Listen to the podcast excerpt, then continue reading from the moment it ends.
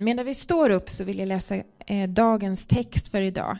Eh, betydligt kortare än förra veckans. Det skiljer ju ganska mycket på de här, men vi tar oss igenom första Petrus brev och snart är vi i mål. Och det här är hämtad ifrån första Petrus brev kapitel 3 och verserna 8 till 12. Till sist, ni ska alla leva i endräkt och inbördes förståelse i broderskärlek, barmhärtighet och ödmjukhet. Löna inte ont med ont eller skymf med skymf, utan tvärtom välsigna. Ty ni är själva kallade att få välsignelse. Den som älskar livet och vill ha goda dagar, han ska avhålla sin tunga från det som är ont och sina läppar från svekfulla ord. Han ska undvika det onda och göra det goda och han ska sträva efter att hålla fred. Till Herrens ögon ser de rättfärdiga och hans öron hör deras bön. Men han vänder sig mot dem som gör det onda. Det är Guds ord till oss idag. Varsågoda och sitt och välkommen fram Brad. Tack så mycket. Hej allihopa! Mår ni bra? Bra! Eh, jag tänkte faktiskt börja med en berättelse som några av er har hört, kanske vid ett tillfälle tidigare. Eh, de flesta har nog inte hört den och den tål att upprepas ändå. Och det är ju berättelsen om eh, klostret. Det var ett, tack, ett gäng gamla gubbar, yngre gubbar först, men de blev äldre. Ett gäng munkar som bodde på ett kloster och eh, det här klostret var ju en plats där många människor kom för att besöka dem. Eh, de gjorde det man brukar göra på ett kloster, de bad och de arbetade. Ora et labora. Och eh, de levde där i massa år, det var ganska många munkar, det var väldigt många besökare och människor sökte sig dit för att få andlig vägledning, få lite tillflykt, lite lugn och ro, lite tystnad, att få hjälp i bön och stöd och så vidare. Eh, men eh, åren gick och bröderna blev äldre och äldre och den ena munken efter den andra eh, gick bort. En del ersattes, men en del ersattes inte. Och samtidigt så började grupperna som besökte det här klostret, de blev färre och färre och mindre och mindre. Och eh, till slut så blev fadern på den här, det här klostret, han blev orolig för deras framtid. Han tänkte nu, nu är vi inte så många kvar och eh, vi börjar bli lite gamla. Eh, och grupperna som kom inte så många och det är väldigt svårt med nyrekrytering idag när det gäller munkyrket, eller munkgenren. Eh, liksom, det, det är inte så många som söker sig till det, det levnadssättet längre. Och så funderar han, vad i hela världen ska vi göra? Och så kom han på att det fanns en väldigt vis man, en vän till honom, som bodde i stan, så eh, han sökte upp honom. Och den här mannen råkar vara en judisk rabbi eh, som eh, tillhörde en annan religion egentligen, men han tänkte, han var ju så desperat, han tänkte det, det är lika bra, jag, jag tar all hjälp jag kan få nu. Och så gick han till den här rabbin och så pratade han med honom. Och, och rabbin tittade på honom lite så märkligt som bara en rabbi kan göra, kan jag tänka mig. Eh, och eh, tittade honom i ögonen och sa, efter han har berätt, berättat problemet, jag vet inte hur du ska göra, hur du ska lösa den här situationen på klostret. Men en sak vet jag. Och så spände han ögonen i, i munken, i fadern, och så sa han, Messias bor bland er. Messias bor på klostret. Och eh, munken blir lite förvånad, lite förvirrad, lite fundersam. Eh, han blir väldigt exalterad. Det är ändå inte överallt eh, man, man får ha Messias bo hos sig. Och, eh, så han springer hem till munkarna och så berättar han det här. Och alla börjar fundera. De börjar fundera, men vänta nu, är det, är det han som är Messias? Och så funderar man, liksom, har jag gjort något dumt mot honom? Hur har jag liksom skött mig i samtalet? Hur är vår relation? Vad ligger jag till? Liksom? För man vill ändå vara på rätt sida liksom, med, med självaste Kristus om han bor liksom på klostret. Eh, och så är det Knut, eller är det, är det Stig, eller är det Bengt, eller vem är det? Och, eh, och så börjar några fundera, men, men är det jag själv? Är jag, är jag kanske Messias? Och så har jag bara missat det. Liksom. Jag, why didn't I get the memo? Liksom. Det är så, och, och, plötsligt så börjar liksom folk sluta skälla på varandra när man lämnar toalocket uppe på klostret, eller när man inte liksom sopar upp smulorna från bordet när man har käkat eh, mat tillsammans, eller när man kommer in sent i tidebönen så finns det plötsligt väldigt mycket nåd eh, och överseende, för ingen vill skälla ut Messias. Och är man Messias själv så vill man inte heller vara den som skäller ut massa folk eller beter sig dåligt. Och eh, rätt vad det är så liksom kommer större och större grupper, de som kommer de berättar om det här fina stället där alla är så trevliga mot varandra och det, de kommer tillbaka med sina vänner och det växer och växer och det är massa nya rekryter som kommer och liksom vill eh, avge löften och bli munkar. Och rätt vad det är så är det här stället fyllt av liv och massa folk, eh, stora grupper hela tiden och så kommer den här fadern ihåg, just det, jag, jag måste gå och berätta för rabbin vad som har hänt och liksom tacka för ja, men det här rådet. Så går han tillbaka och så är han även lite nyfiken, för även om allt går väldigt, väldigt bra, så har de fortfarande inte räknat ut vem i hela världen är Messias. Vem är det? Är det jag? Eller liksom, var det Bengt? Eller vem var det? Och så berättar han hur bra det går och så säger David, men kom igen, tog du mig på allvar när jag sa sådär? Det var ju en bild, det fattar du väl? Eh, och eh, vi vet inte hur sann den här storyn är och var den kommer ifrån, men den passar ju väldigt bra på dagens text, för den eh, belyser på något sätt att gruppens interna kultur faktiskt eh, gör skillnad. Det påverkar hur man är i sina relationer med varandra i en gemenskap. Um, sättet människorna i en grupp relaterar till varandra påverkar även världen utanför. Och vi ser också hur attraktivt det blir när en gemenskap lever på ett helt annorlunda sätt. Att liksom människor blir attraherade av det och vill vara en del av det. Och uh, Det är det som Petrusbrevet handlar om lite grann. Den är skriven till, uh, till nyplanterade församlingar, precis som vi som lever i en kultur där de flesta tror och beter sig på ett helt annat sätt. Och de är tänkta att vara det som ibland beskrivs som display communities, alltså uppvisningsgemenskaper, där man kan visa, så här var det tänkt från början. I en värld och en kultur, ett samhälle, där man inte lever så. Och eh, vi kommer tillbaka till det, men det här är ju sjätte tillfället då som vi tittar i det här brevet och vi har tre veckor till efter det här. Ehm, det är som sagt en bok som handlar om att leva som främling i exil, i en främmande kultur. Och tanken med det här brevet är att försöka hjälpa oss att bli och leva helt och hållet närvarande och liksom förankrade i vår kultur samtidigt som vi inte har vårt hem och vår huvudidentitet i vår kultur. Om ni hörde inledningen för några veckor sedan så pratade jag om mitt dubbla medborgarskap och att eh, vara svensk och australiensare på samma gång. Och vilken eh, slitning och spänning det kan innebära, men också hur berikande det är. Och hur ibland så måste vi faktiskt välja. Ofta kan vi hitta gemensamma nämnare och leva med både och. Vi kan vara i världen men inte av den. Men, eh, men ibland så måste vi verkligen välja. Och eh, vi kommer titta på det lite grann. Hur hanterar vi den spänningen? Um, hur, hur gör vi där? Och dagens text, jag försökte hitta, prata lite med Sara om det hemma, liksom. hur, hur delar man upp den här texten? Eh, och den kretsar egentligen kring liksom, hur vi förhåller oss i våra relationer. Eh, och speciellt i situationer där vi utsätts dels för då inre påfrestningar i gemenskapen.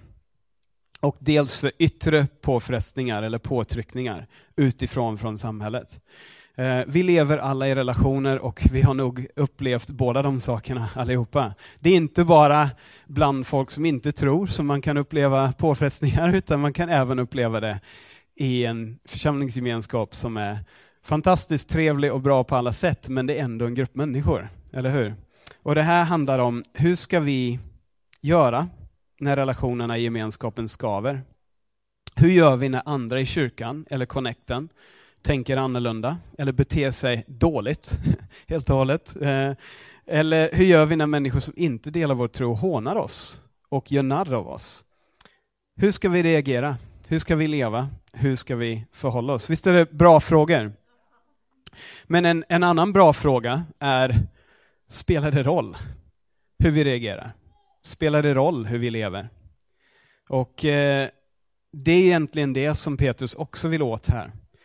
Ska vi tänka, jag är bara en av sju miljarder människor på det här jordklotet. Hur jag beter mig spelar absolut ingen roll. Och dessutom så har Jesus gjort allt för mig. Det har jag hört. Det är evangeliet. Han har gjort allt. Jag behöver inte förtjäna någonting. Och eh, det är bara en gåva av nåd. Och det är sant vad det gäller vår frälsning. Men det är inte sant när det gäller att visa andra hur ett liv med Gud ska se ut.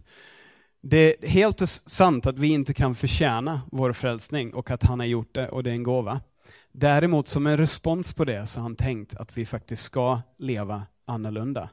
Och det här brevet poängterar det här gång på gång, att livet i exil spelar roll. Jag tror jag har det som rubrik där. Ja. Livet i exil spelar roll. Det gör faktiskt skillnad. Vi har möjlighet varje dag att antingen bidra till att trasigheten blir ännu större i vår värld, eller att bidra till lite av Guds förnyelse i vår värld. Man kan tänka så här att om världen är en, en bild så eh, kan vi vara med och sudda ut lite av den bilden, eller så kan vi vara med och förtydliga lite av den bilden för människor som lever runt omkring oss. Och eh, Vi ska in i den här texten alldeles strax, men jag gillar att tänka på livet som en trailer. Om livet efter det här livet är filmen, så är det här livet en trailer. Och eh, jag vet inte om du har sett en dålig trailer någon gång? Eh, en riktigt dålig trailer, då vill man inte ens se filmen överhuvudtaget. Men det finns också trailers där man, liksom, man vet att allt som är bra i den filmen var med i den trailern på två minuter. Så jag behöver inte se filmen, jag, skippar, jag sparar en och en halv timme för jag har sett allt bra. Liksom. Men en riktigt bra trailer, den gör att man blir sugen på att se filmen. Tänk på ditt liv som en trailer. Blir folk runt omkring dig sugna på att se filmen när de tittar på ditt liv eller inte? Det är en bra fråga att ställa sig. Ingen av oss kommer klara av att vara världens bästa trailer. Det är inte tanken. Men med Guds hjälp så är det ändå tänkt att vi ska röra oss åt det hållet. Och eh, jag tänkte titta på tre saker idag.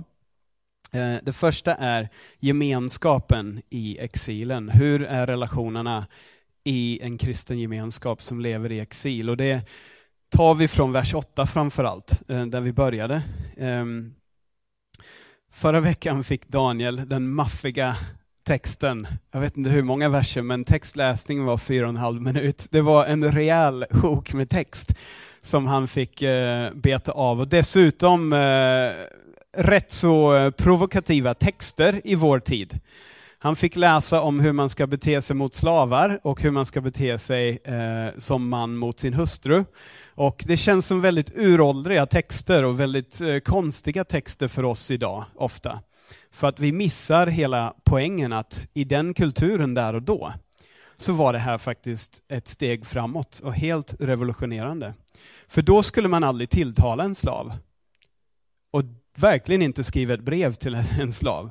Och man skulle inte heller tilltala någon annan än mannen i huset. Man skulle inte tilltala hustrun direkt. Så var det, tyvärr. Men det var den kulturen som fanns. Och vad gör Gud, vad gör Petrus i den kulturen? Jo, han tilltalar slavarna och så tilltalar han hustrun. Och ger dem samma värde som alla andra. Eh, vi kommer inte ta om hela förra veckans undervisning, det kan ni titta på eh, eller lyssna på på podden om ni missade det. Men nu kommer han vidare då och talar till alla. Så han pratar om hur ska man förhålla sig slavägarrelation, hur ska man förhålla sig man-hustru-relation och nu hur ska vi alla förhålla oss till varandra. Och hans poäng här är att varje val och varje handling leder antingen till att bygga upp eller bryta ner.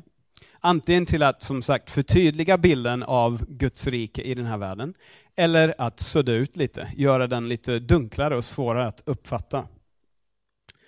Så det spelar roll hur vi lever. Vi läser vers 8. Till sist, ni ska alla leva i endräkt och inbördes förståelse, i broders kärlek, barmhärtighet och ödmjukhet. I the message så står det Summing up, be agreeable, be sympathetic, be loving, be compassionate, be humble. Och så älskar jag nästa bit här. That goes for all of you. No exceptions. Alltså, det här gäller alla. Förut pratade vi om slavar, vi pratade om hustrur, vi pratade om män, vi pratade om ägare. Nu pratar vi om alla. Inga undantag. Och så nämner han de här sakerna. Han, han nämner endräkt, inbördes förståelse, broderskärlek, barmhärtighet och ödmjukhet. Och så säger han, det här gäller alla. Och vi får de här dygdarna som vi ska sträva efter. Ingen dålig lista va? Bocka av på en förmiddag. No problem. Eh, det som är intressant med den här listan, att det här är ord som i den kulturen och den kontexten, speciellt i grundspråket, eh, användes för att beskriva en familj snarare än någon annan grupp människor syskonkärlek eller broderskärlek, att leva i endräkt. Och de här sakerna var ord som man använde mer för en familj än för en vanlig grupp. Och det är någonting som är värt att ta med sig in i det här när man läser det här. Att det är Guds tanke att vi är en familj. Och en familj är en slitstarkare enhet än vilken annan grupp som helst, speciellt på den här tiden.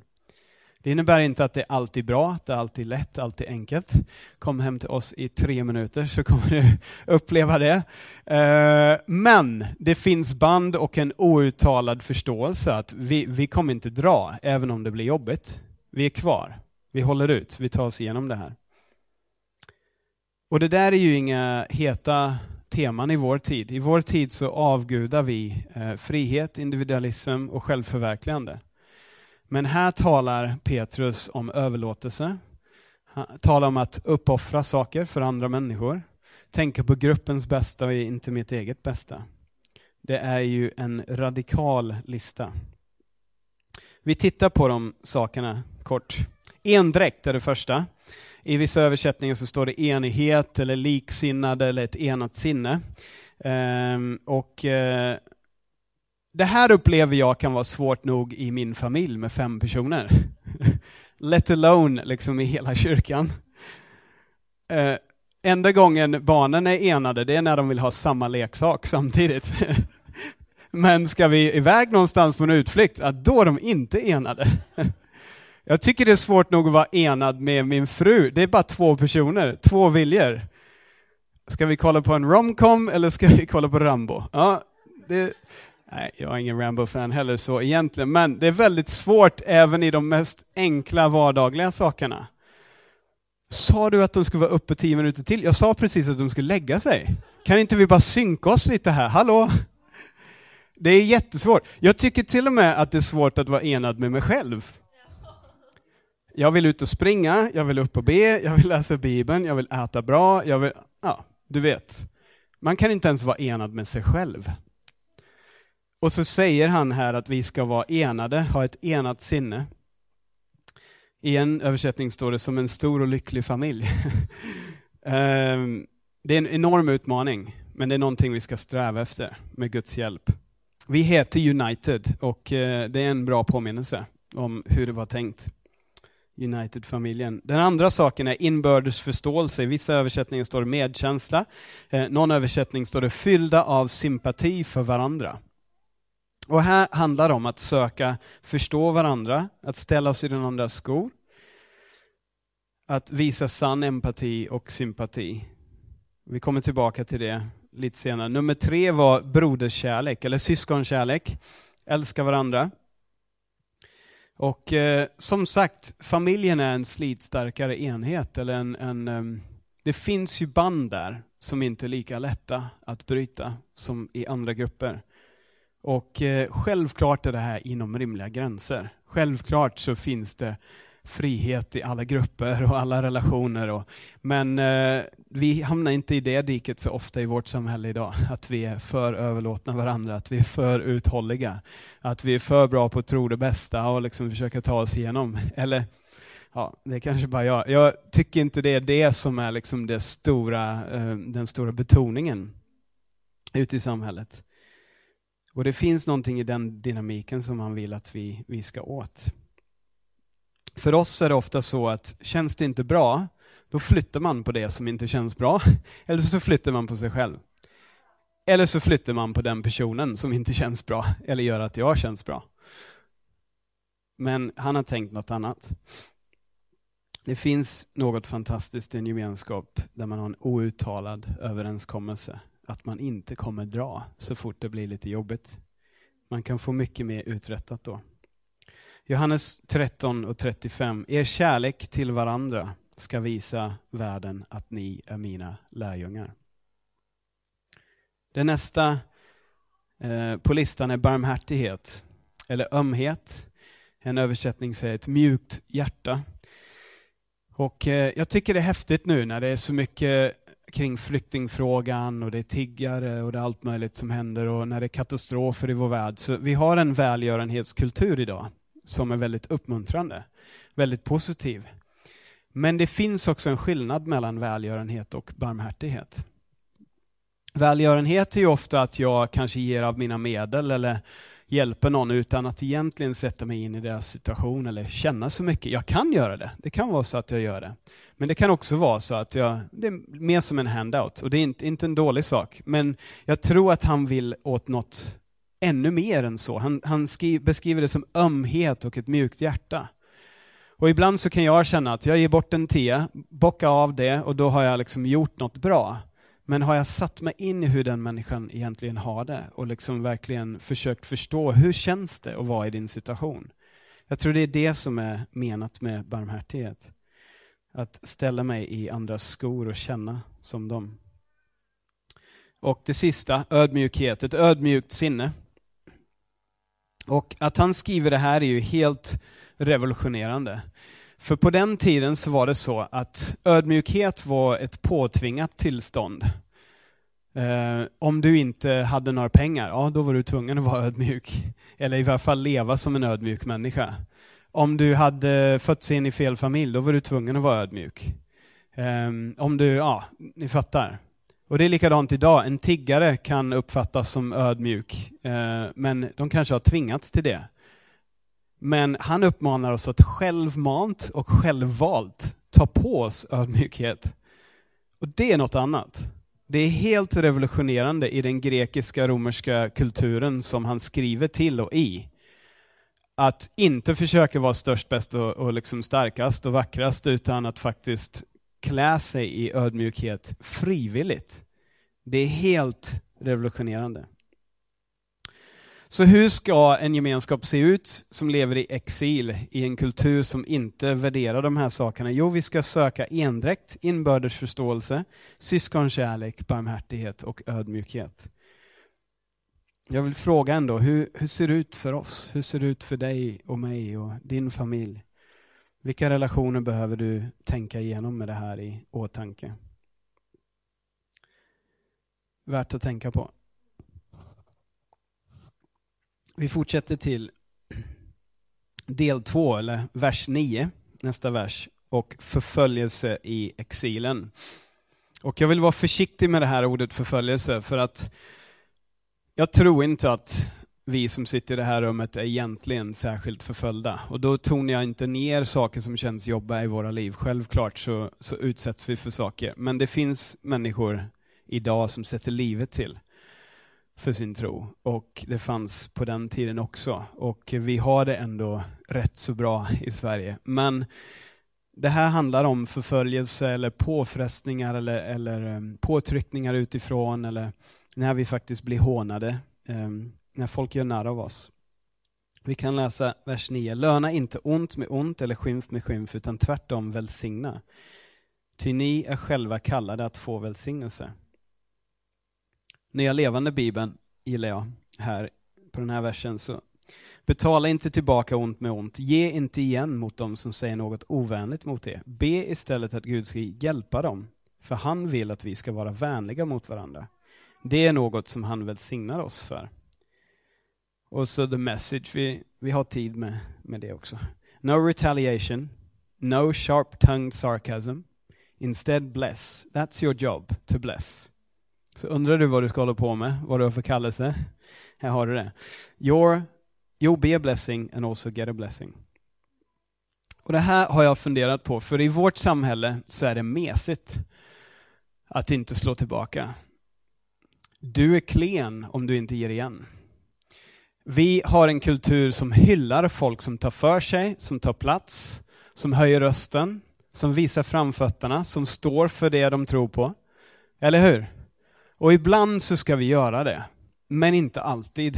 Och ofta gör vi det, tror jag, av fel skäl. Och det här hände mig också. Jag kommer ihåg för ett par månader sedan. När jag inledde den här serien förresten för drygt en månad sedan, då pratade jag med en kille som gick på mitt gymnasium, som var den enda andra skataren som gick eh, på mitt gymnasium. Och vi hängde väldigt mycket, jag och Richard.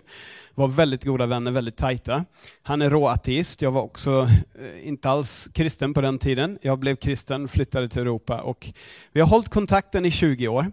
Men eh, vi har bara setts fem, sex gånger, eh, för vi bor på olika sidor jordklotet.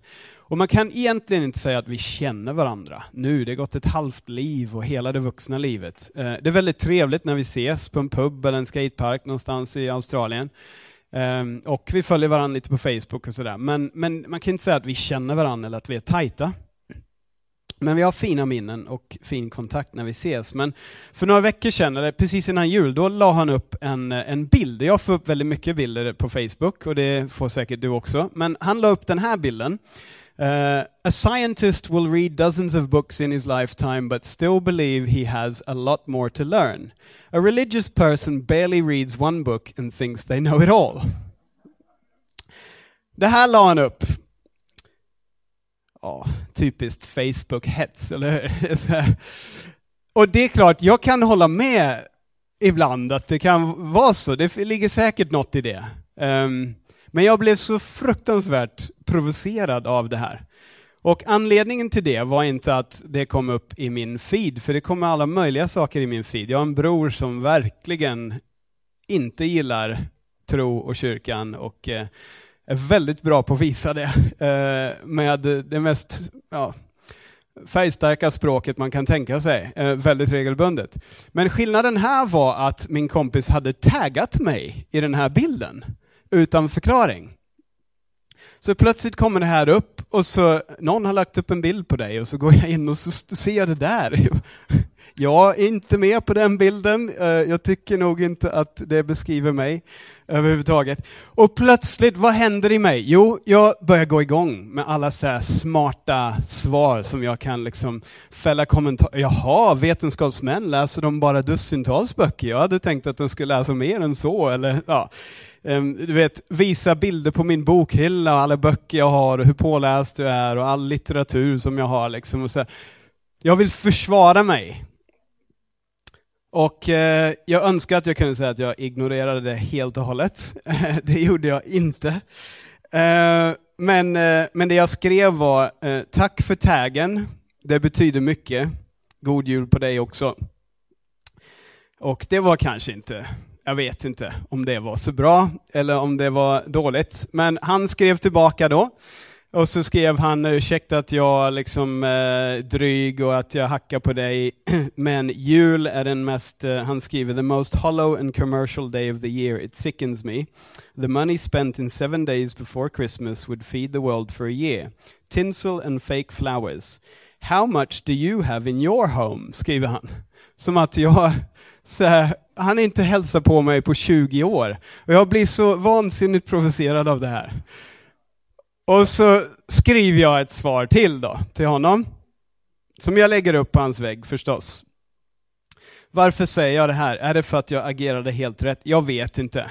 Um, jag ska säga att mitt svar var väldigt varmt, väldigt mjukt, ehm, ganska sakligt. Eh, jag hade verkligen önskan att upplysa utan att vara liksom dryg och sätta dit honom. Eh, och jag bad Sara läsa det ett par gånger innan jag la upp det. Eh, vilket är ett tips om du är som jag och eh, vill bara skjuta iväg ett mail eller ett svar väldigt fort. Och jag önskar att jag kunde säga att nu har vi en jättefin relation, och, ja, men han har inte svarat. Men det här händer nog dig också. Det händer oss alla hela tiden. Och vi är inprogrammerade med det här att det är klart jag ska svara, det är klart jag ska slå tillbaka. Och jag menar inte att vi ska lägga oss platt hela tiden och aldrig svara, och nu svarade jag den gången. Men jag försökte hitta balansen, men det är sjukt svårt att vara saklig och varm och mjuk samtidigt som man är bestämd, eller hur? Men det jag vet är att det vi gör gör skillnad och att det här det tål att tänkas på. För att när vi skriver, det finns människor som ser det och det påverkar. Det gör intryck. Så hur ska man vara ödmjuk utan att vara mesig? Hur kan man vara mild utan att vara en walkover? Hur kan man å andra sidan stå för något utan att vara aggressiv? Hur kan man vara saklig utan att såga? Som sagt, jag har ingen schablonmässigt svar här, men det är värt att tänka på. För vi lever i en kultur där man gärna ger igen. Kommer ihåg våra grannar i England. Vi hade en granne som hette John.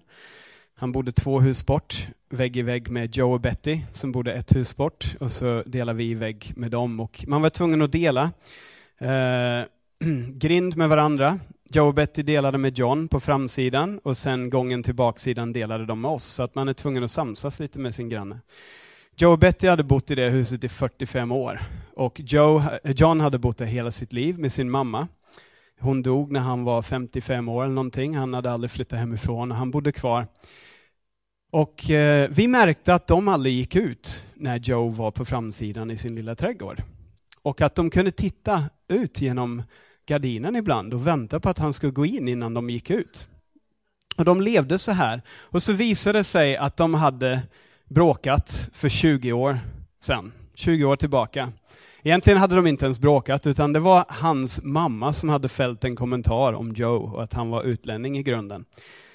Det var inte ens John själv som hade sagt det. Men John hade fått liksom stå ut med det här i 20 år, att eh, de inte pratade med honom.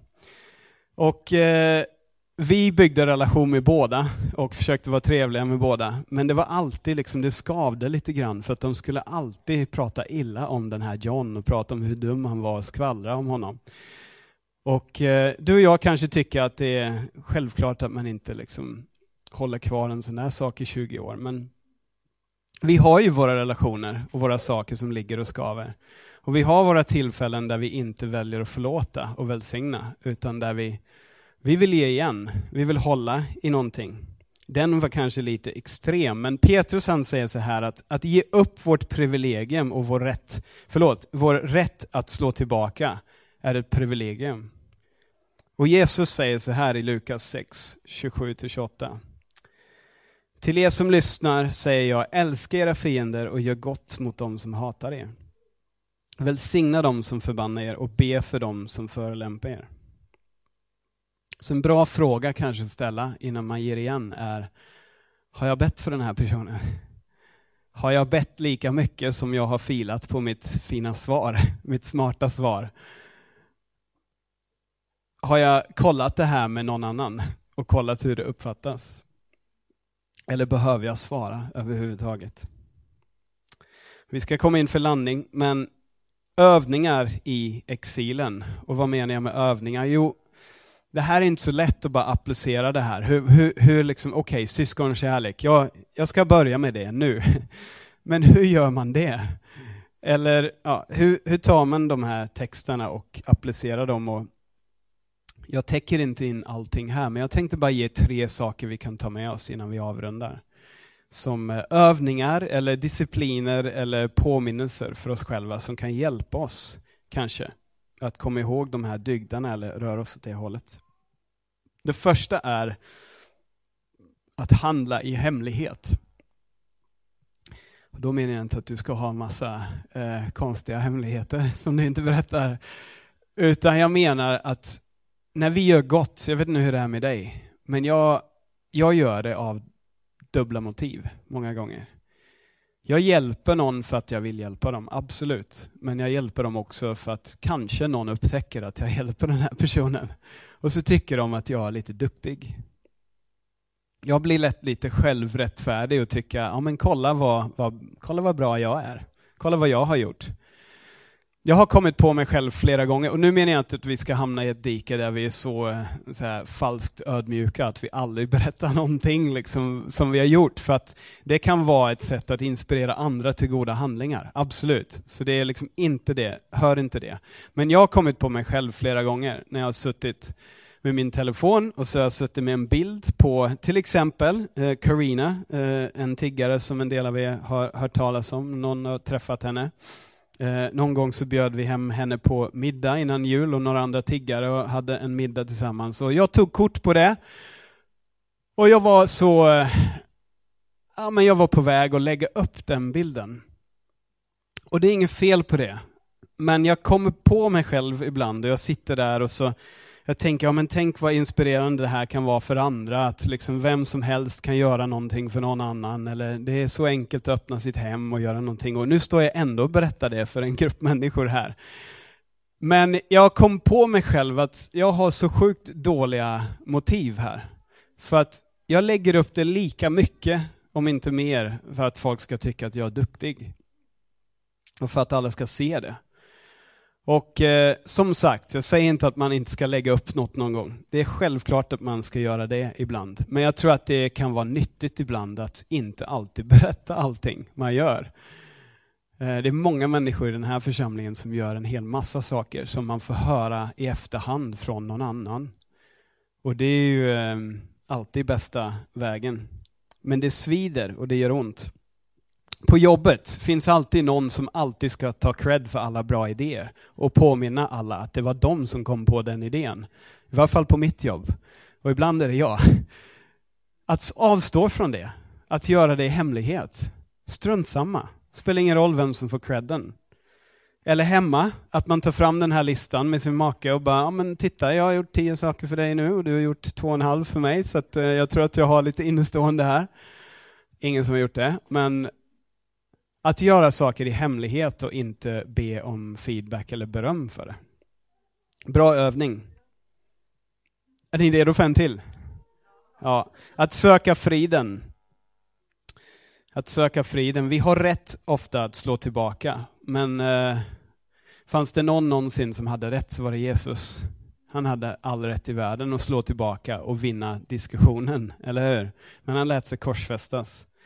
Och det står i första Petrus 3 och 11, vänd dig bort från det onda och gör det goda. Försök att leva i frid, även om det kostar dig personlig ansträngning och uppoffring. Och i the message så står det egentligen, spring efter friden allt vad du orkar.